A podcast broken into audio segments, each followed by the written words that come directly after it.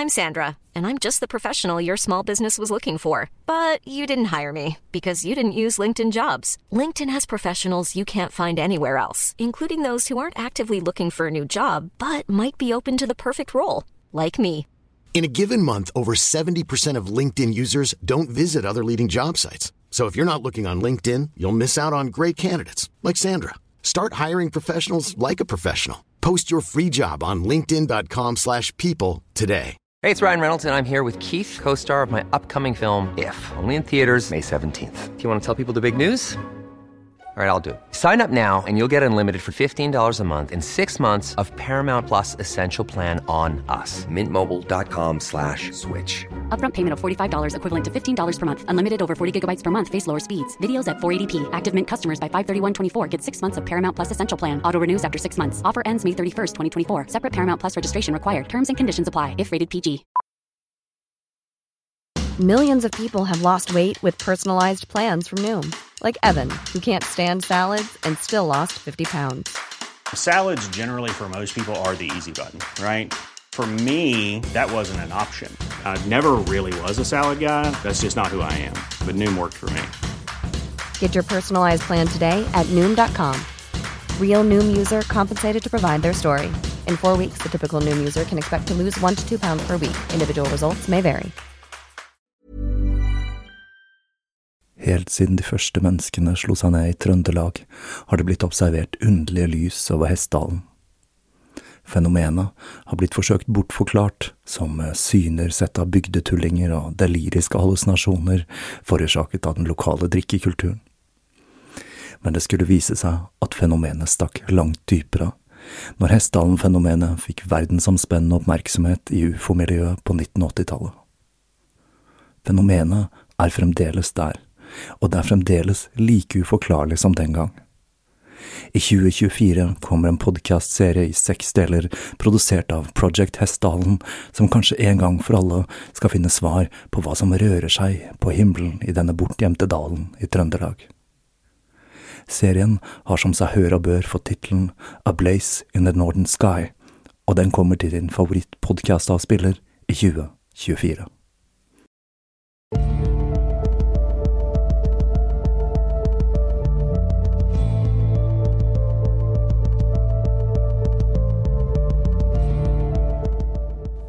Hei og velkommen til Tåkeprat i denne beinkalde februarmåned.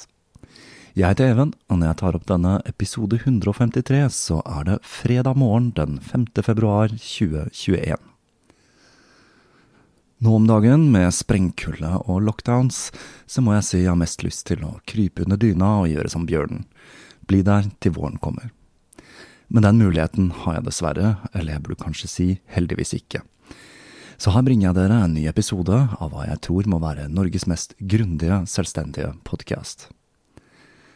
Innledningsvis så vil jeg minne om at det har kommet en ny T-skjorte og hettejakke i nettbutikken på tåkeprat.com.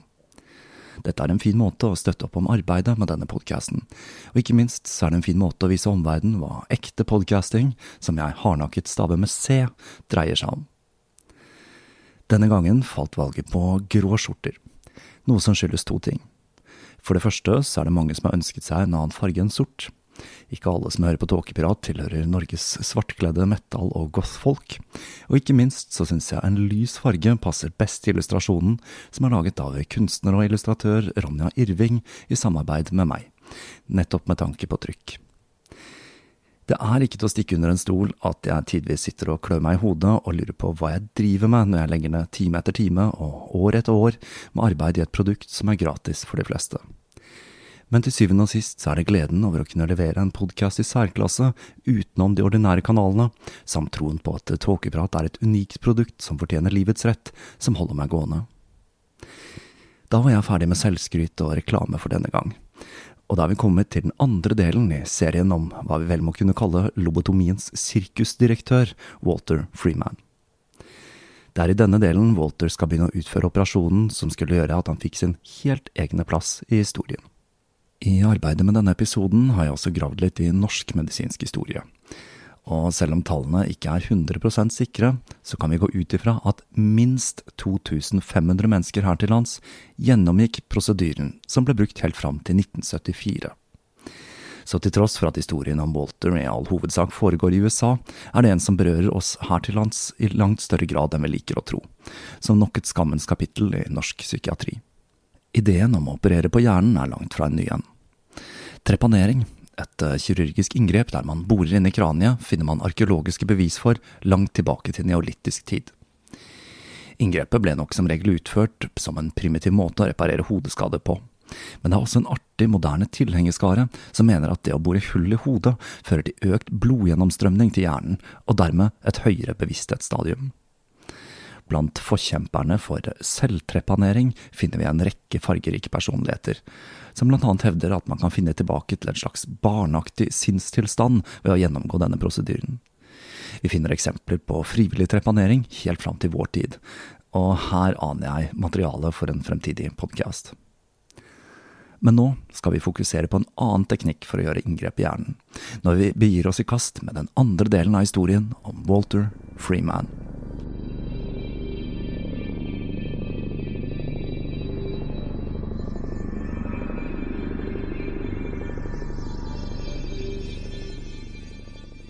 Som jeg nevnte i forrige episode, så hadde Freeman en liten performer i magen, og denne skulle han få utløp for når han begynte å undervise studenter i patologi.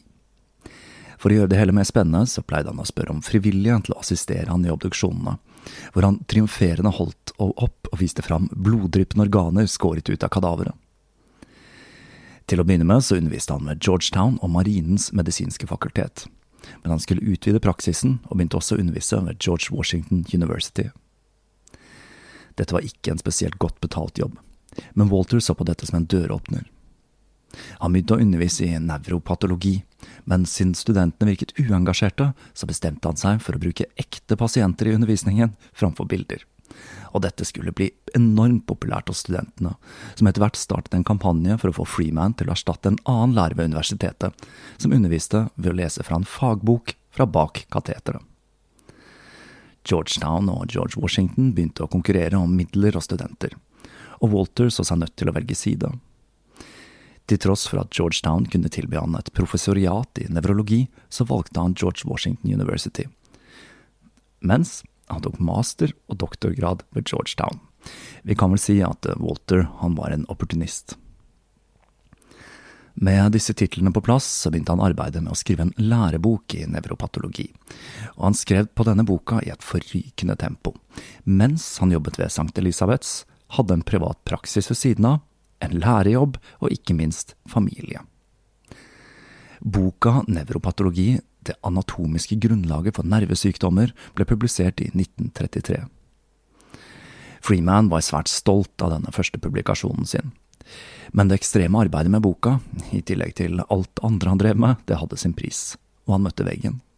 Den spreke Walter, som venner og familie kjente, visnet hen, og for å komme til hektene igjen så tok han seg en måned fri og dro på ferie til Europa. Walter forsto at han hadde drevet seg selv for hardt, og at søvnløshet var et tidlig tegn på utmattelse. Han bestemte seg derfor for å bruke mer tid på å spille golf og slutte i jobben ved St. Elisabeths. Samtidig så skrev han en artikkel om faresignaler ved utmattelse for menn under 40. I denne artikkelen skrev han at dersom man ikke passet på, så kunne man utvikle diabetes og få slag. Men han fulgte ikke sitt eget råd, og noen år senere så skulle han få nettopp diabetes og et lite slag. For å få bukt med søvnproblemene begynte han å ta et barbiturat, noe han skulle gjøre store deler av livet. Men han hevdet hardnakket at han ikke var avhengig, da han ikke økte dosen. Som vi husker fra tidligere episoder, så er barbiturater en gruppe med stoffer som ble brukt som sedativer, og som er hyppig brukt til annet selvmord og eutanasi. Her tenker jeg både på Heaven's Gate og nazistenes utryddelse av funksjonshemmede.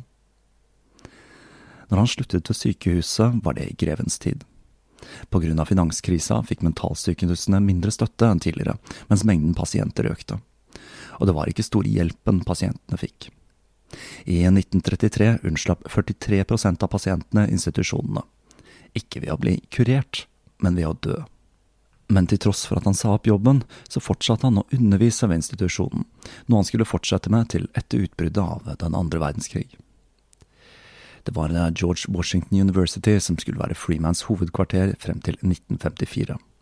og sammen med sin private praksis så var dette en svært innbringende kombinasjon. Det første han gjorde ved George Washington, var å sette sammen et nevrologisk laboratorium hvor han kunne kose seg med eksperimentene sine. Freeman var overbevist om at man trengte å gjøre et kraftig visuelt inntrykk på studentene om man skulle få oppmerksomhet. Så han kledde seg på sin helt egne, unike måte. Med fippskjegg, runde briller, hatt og stokk.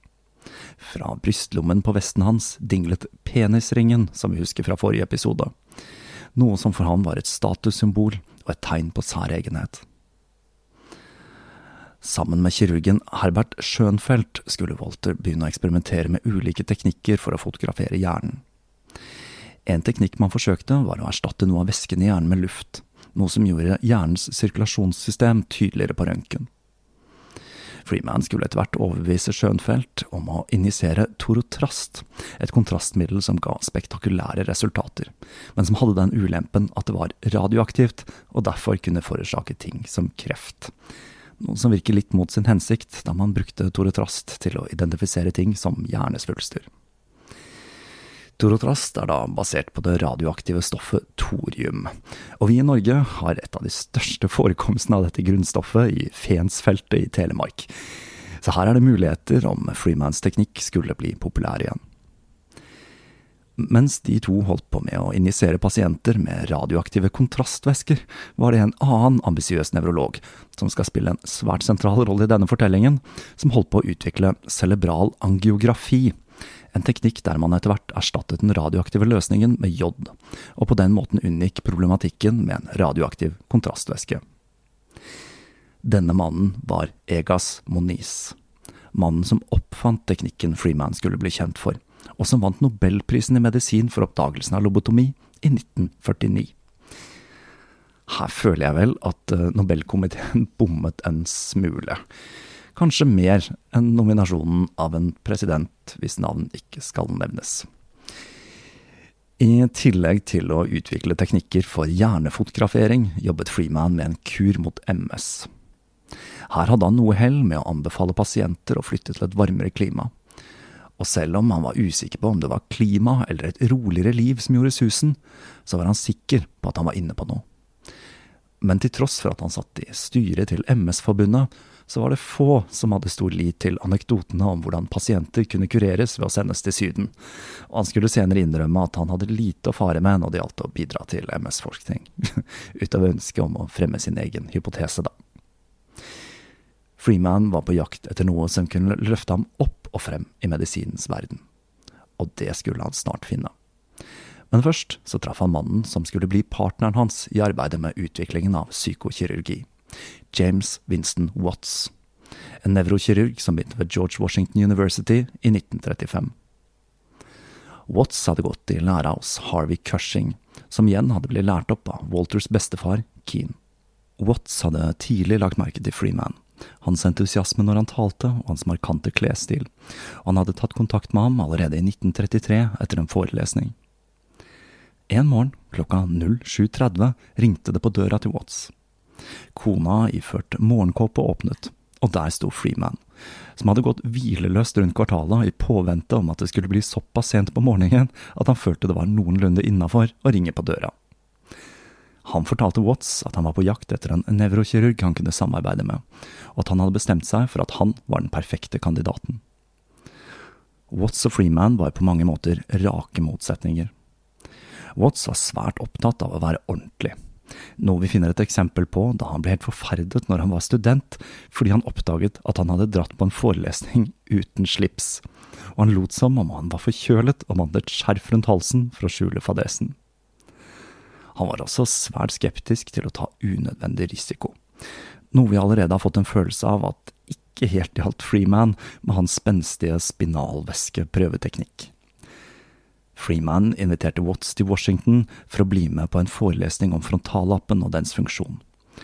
Men omvisningen han fikk på George Washington University etterpå, imponerte han ikke stort. Freemans laboratorium virket uferdig og rotete. Han skulle derimot bli imponert over den energiske Freeman. Og etter noen måneder lot han seg overbevise og takket ja til en stilling som professor i nevrokirurgi ved universitetet i begynnelsen av skoleåret 1935. Han bemerket at Freeman var så underholdende at studentene ofte tok med seg datene sine til forelesningene hans framfor på kino. Et langt billigere og mer spennende alternativ. Freeman hadde jo gjerne med seg en pasient for å illustrere forelesningen, og han hadde utviklet en teknikk så han kunne tegne på tavla med begge hendene på en gang. Showmanen Freeman skinte i disse forelesningene. Han var for eksempel veldig stolt av den gangen han ikke hadde slukket pipa si skikkelig, slik at frakken tok fyr under forelesningen. Det var det å presentere det uventede og være så underholdende som mulig som telte. Det skulle føre til at han noen ganger tråkket over noen etiske grenser. Som da han i 1941 illustrerte infantil oppførsel, oppførsel hos demente ved å få en gammel dame til å drikke varm melk fra en tåteflaske og det vakte stor oppsikt når hun forsøkte å putte hele flasken i munnen, akkurat som et spedbarn. Når han byttet ut flasken med pipen sin, forsøkte hun på det samme. I henholdsvis 34 og 36 skulle familien utvides ytterligere når Marjorie fødte enda to sønner, Keen og Randy, så familien besto nå av totalt åtte mennesker. Her må vi gi Walter litt kred, for han forsøkte det han kunne for å ta del i barnas oppvekst og de brukte somrene på ekskursjoner. Han ønsket at de skulle få en så optimal utdannelse som mulig. Av den grunnen sendte han datteren sin på ny, Lorne, til Frankrike en sommer, noe som førte til at hun ikke bare lærte seg fransk, men begynte å snakke engelsk med fransk aksent. Freeman elsket å ta med den store familien sin på bilferie, noe Marjorie på sin side kunne styre sin begeistring for. Senere skulle en av disse utfluktene være åstedet for en familietragedie som skulle ryste familien Freeman. Ved siden av utfluktene med familien så likte Walter å reise til ulike kongresser i Europa for å stifte nye bekjentskaper og gjøre seg bemerket. Og det var på en av disse turene, til den andre internasjonale nevrologiske kongressen i London, han skulle møte Egas Moniz.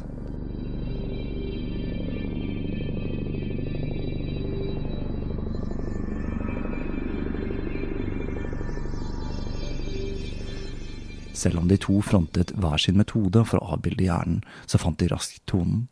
Og Walter ble imponert da han oppdaget at denne 60 år gamle mannen langt ifra hadde tenkt å kaste inn håndkleet, selv om han led av en rekke helseplager, blant annet leddgikt. Hovedattraksjonen ved kongressen var en hel dag dedikert til frontallappen, med forelesninger om hvordan fjerningen av denne hos personer med hjernesvulster førte til underlige personlighetsforstyrrelser som en pasient som fullstendig mistet evnen til komplisert tankegang, ble infantil og begynte å skryte fælt, da spesielt av sexlivet sitt. En av forelesningene ble moderert av John Fulton, som var Watts mentor i primatologi ved Yale. Her ble rapporten til Carlisle Jacobsen lagt fram. Han presenterte arbeidet med to sjimpanser, Becky og Lucy. Becky og Lucy hadde begge blitt lært opp til å få mat når de utførte visse oppgaver og det skulle vise seg at de to hadde ulike personligheter og temperament. Becky ble lett frustrert og sinna, mens Lucy var langt roligere. For å se hvordan det ville påvirke personligheten til sjimpansene, fjernet forskerne frontallappen.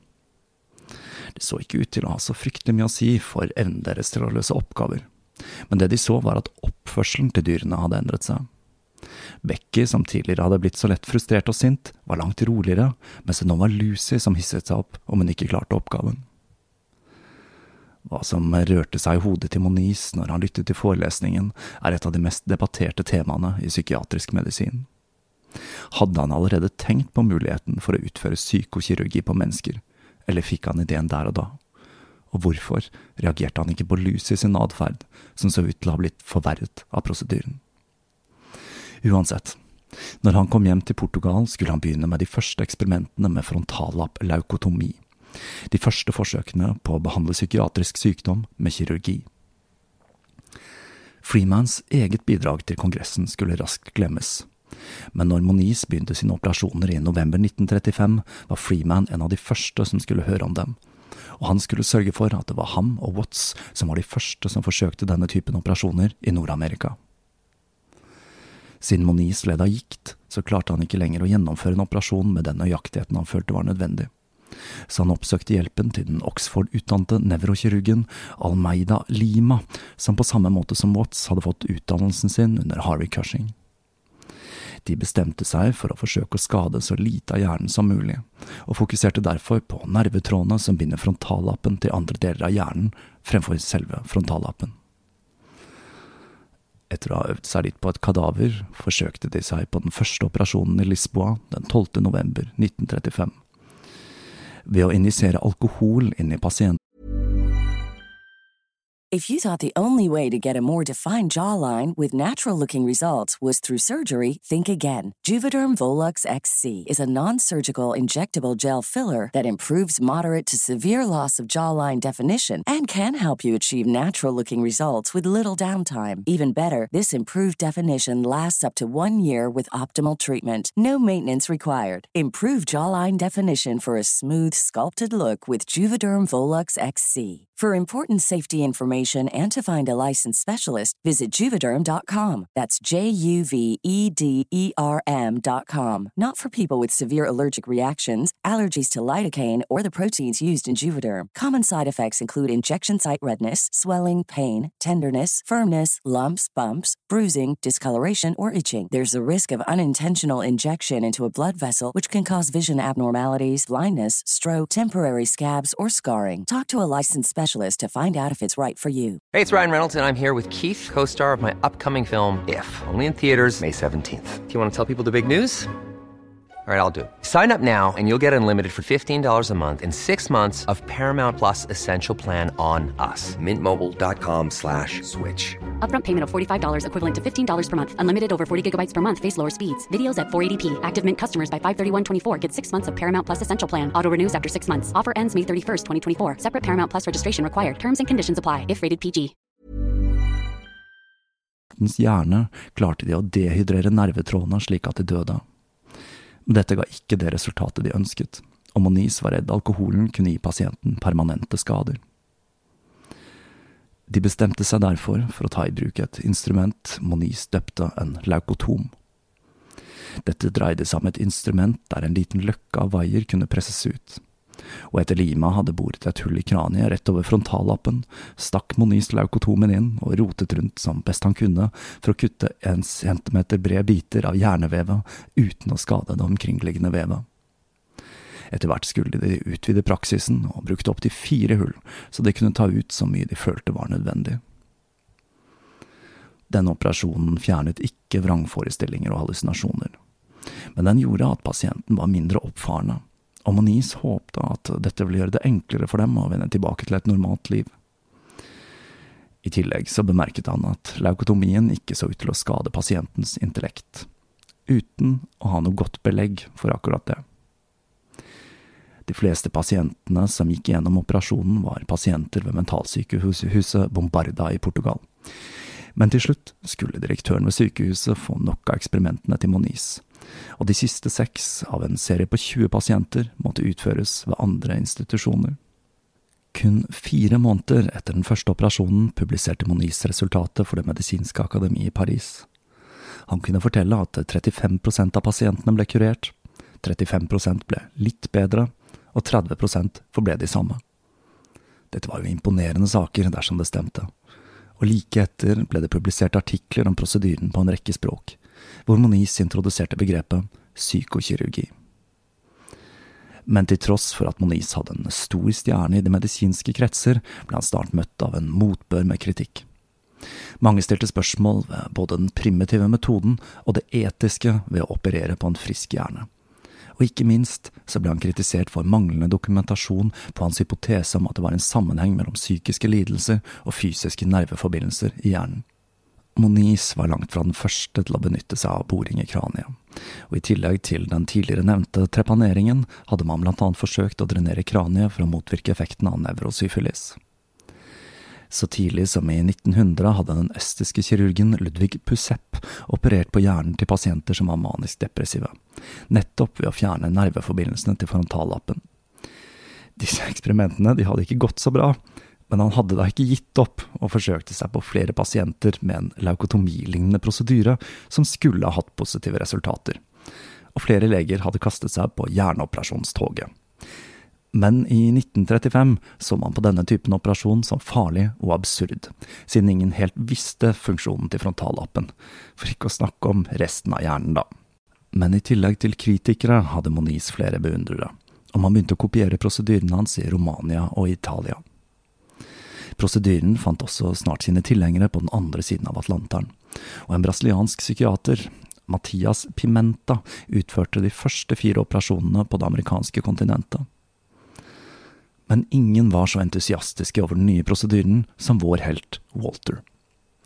Freeman sendte et fanbrev til Moniz i 1936, hvor han skrøt av den eldre legens fantastiske oppdagelser, og han la til at han hadde vurdert en tilsvarende operasjon i lengre tid.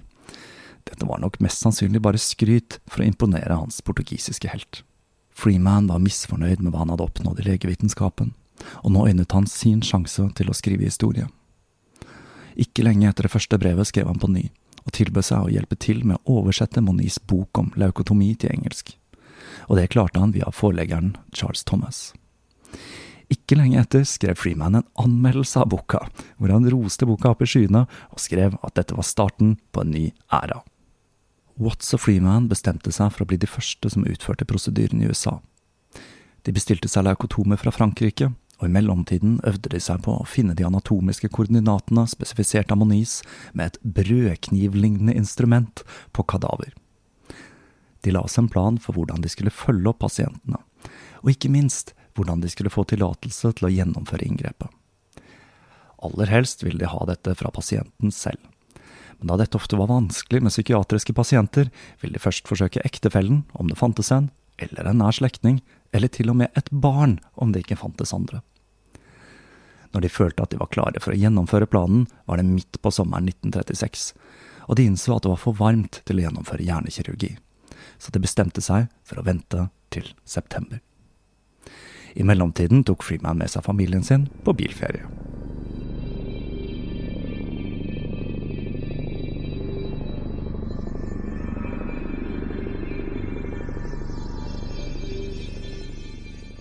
I september var Walter Freeman klar for det viktigste øyeblikket i sin karriere. Pasienten var Alice Hood Hamat, en 63 år gammel dame fra Kansas. Et tilfelle Freeman mente ville være en perfekt kandidat. Hun var den yngste datteren i familien, og som barn så hadde hun vært svært bortskjemt, og hun hadde lært at hun fikk det som hun ville om hun fikk raserianfall. I midten av 20-åra hadde hun giftet seg, og like etter hadde hun blitt gravid. En graviditet som ble fulgt av selvmordstanker og depresjon. Og barnet døde når det var to, noe som ikke løftet humøret til Alice. Hun hadde blitt gravid flere ganger, og disse barna hadde overlevd. Familien flyttet til Washington da mannen hadde fått en jobb der, men med denne flyttingen ble de følelsesmessige problemene verre, og det toppet seg da svigersøsteren og broren hadde begått selvmord i 1933. Hun forelsket seg i en annen mann og fortalte ektemannen om dette, og da raknet det helt for henne. Hun kunne stå i timevis og gjøre grimaser foran speilet, hun urinerte på gulvet og blottet seg for naboene. I lang tid brukte hun sterke sedativer for å sove, men søvnløsheten hadde igjen begynt å innhente henne, og hun var blitt suicidal. Freeman fikk de nødvendige tillatelsene til å gjennomføre operasjonen, men i siste liten trakk Alice samtykket tilbake. Hun var livredd for håret sitt, fortalte hun, men da beroliget Walter henne med at han ikke ville røre håret selv om han visste at dette ikke var sant. Dagen hun skulle opereres, den 14. september, motsatte hun seg igjen. Når anestesilegen skulle bedøve henne, ble hun svært urolig og måtte holdes fast, og hun måtte administreres anestesi via rektum, i tillegg så ble hun gitt lystgass. Freeman og Watts begynte å ta inn over seg alvoret i operasjonen de var i ferd med å utføre. Dette var en svært risikabel operasjon, og i det øyeblikket de opererte på en frisk menneskehjerne, ville de bli sett på som ekstreme i store deler av det etablerte medisinske miljøet. De byttet på med å utføre de ulike delene av operasjonen. Etter å ha barbert hodet desinfiserte de det, og markerte områdene som skulle åpnes. De boret hull i kraniet over de venstre og høyre frontallappene og førte leukotomen fire centimeter ned i den åpne hjernen. Konsistensen var den samme som varmt smør. De dyttet ut den lille løkken og roterte instrumentet i en full sirkel for å kutte de aktuelle fibrene, før de gjentok prosessen på tre og to centimeter. De fjernet leukotomen og gjentok prosessen i en annen vinkel, før de gjentok prosedyren på motsatt side. Totalt fjernet de tolv deler av hjernen til Alice. Den bevisstløse pasienten ble trillet ut av operasjonssalen og lagt i en sykeseng med hodet hevet for å minske risikoen for hjerneblødning. De overvåket temperaturen, blodtrykket og pulsen, og registrerte at hun kastet opp etter operasjonen og var inkontinent. Fire timer senere våknet Alice. Hun åpnet øynene og så på Freeman, som spurte om hvordan hun følte seg. Alice så uttrykksløst på han, og sa at hun følte seg mye bedre. Den neste dagen besøkte han henne igjen, og nå klarte hun å sitte oppreist i senga. Han spurte om hun kjente noe til den gamle angsten, om hun var glad eller trist. Hun følte ingen angst, kunne hun fortelle, og hun husket ikke hvorfor hun hadde følt den, og hun var lykkelig, fortalte hun. Over de neste dagene ble hun mer og mer aktiv.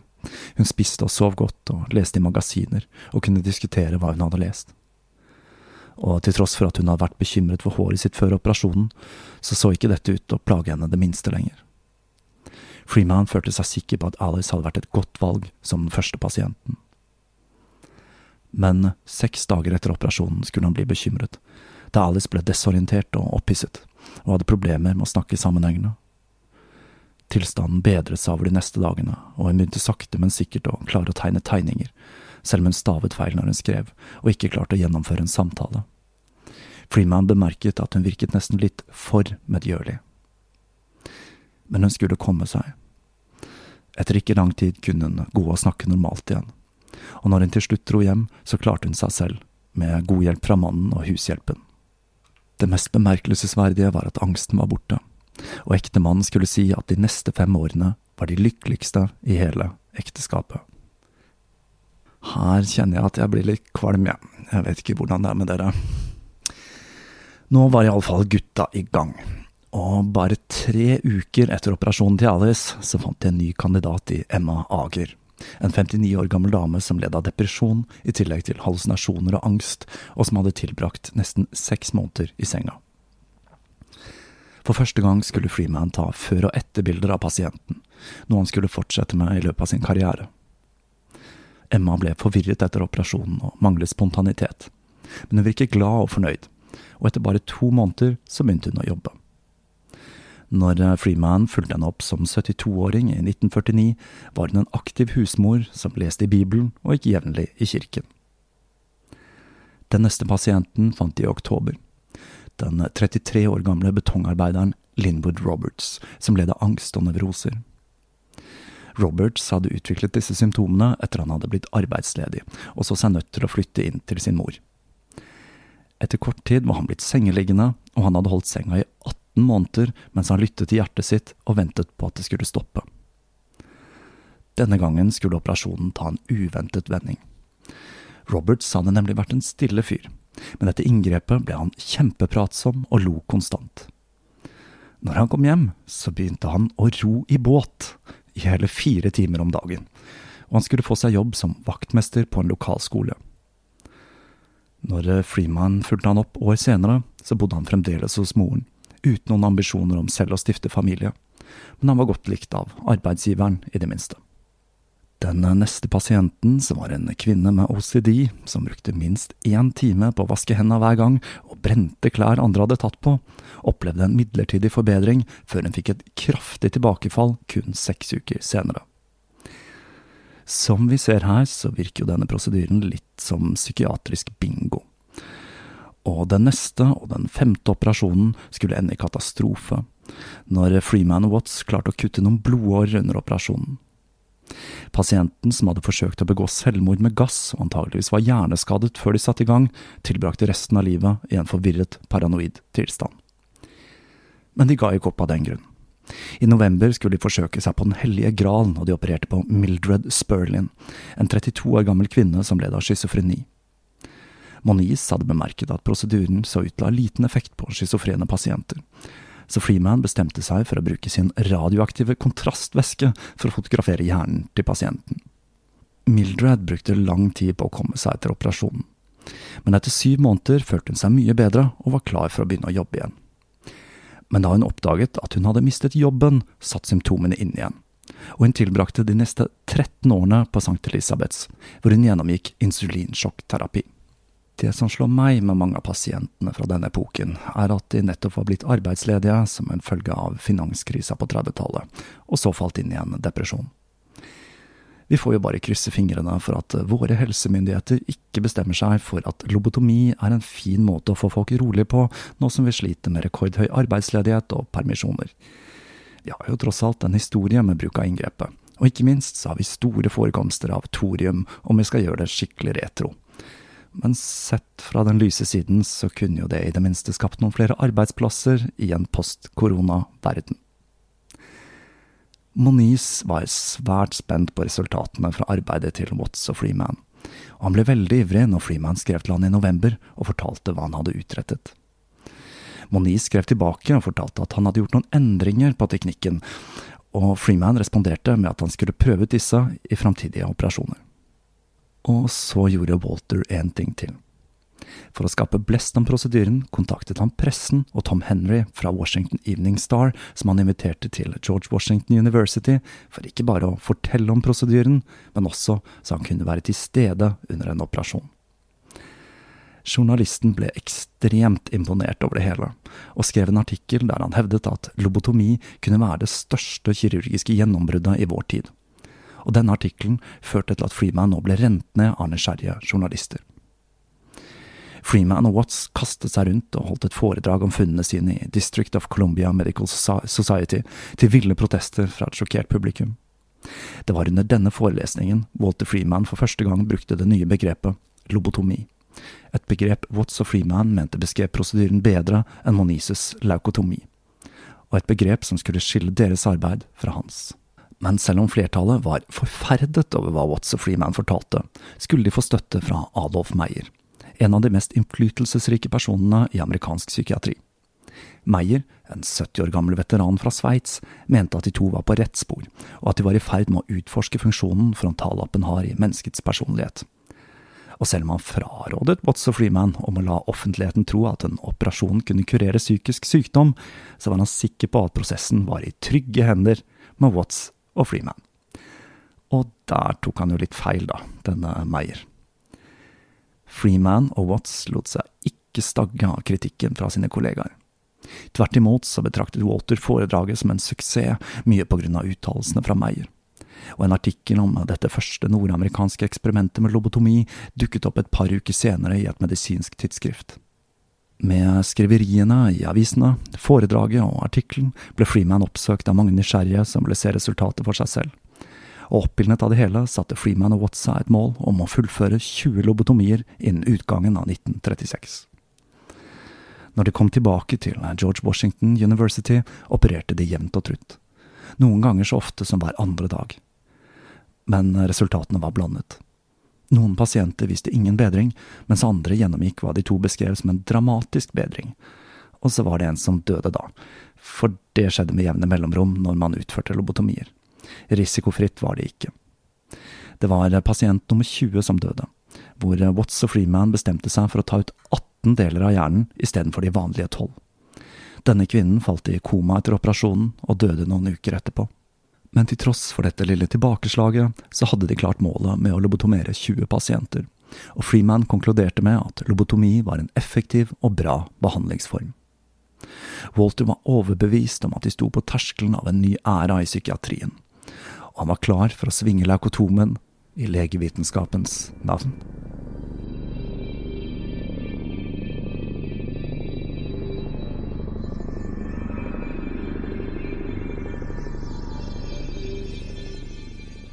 Og der forlater vi Walter Freeman for denne gang, i den spede begynnelsen av hans eksperimenter med lobotomi. For som dere sikkert kan tenke dere, så holdt det ikke å kopiere Moniz sin metode for Freeman.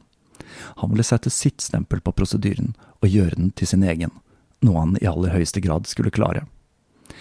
I neste episode skal vi se hvordan Walter modifiserte teknikken til Moniz for å forsøke å gjøre lobotomi til en så praktisk og lett anvendelig metode som overhodet mulig. Dette er litt av en historie, dette her, altså, og verre skal det bli. Til slutt vil jeg igjen minne om nettbutikken til Tåkeprat på tåkeprat.com. I løpet av neste uke så kommer det også en ny forsyning med svarte munnbind, noe som har vært utsolgt en stund. Det er vel det nærmeste jeg kommer til å selge medisinsk utstyr. Profilerte leukotomer, det tror jeg vil styre unna med det første. Frem til da så vil jeg som vanlig takke alle patrons, til dere som har donert, til dere som har handlet i nettbutikken, og ikke minst til deg som hører på. Dagene blir stadig lysere nå som vi har kommet oss over midtvinter, og snart går vi en ny vår i møte. På gjenhør.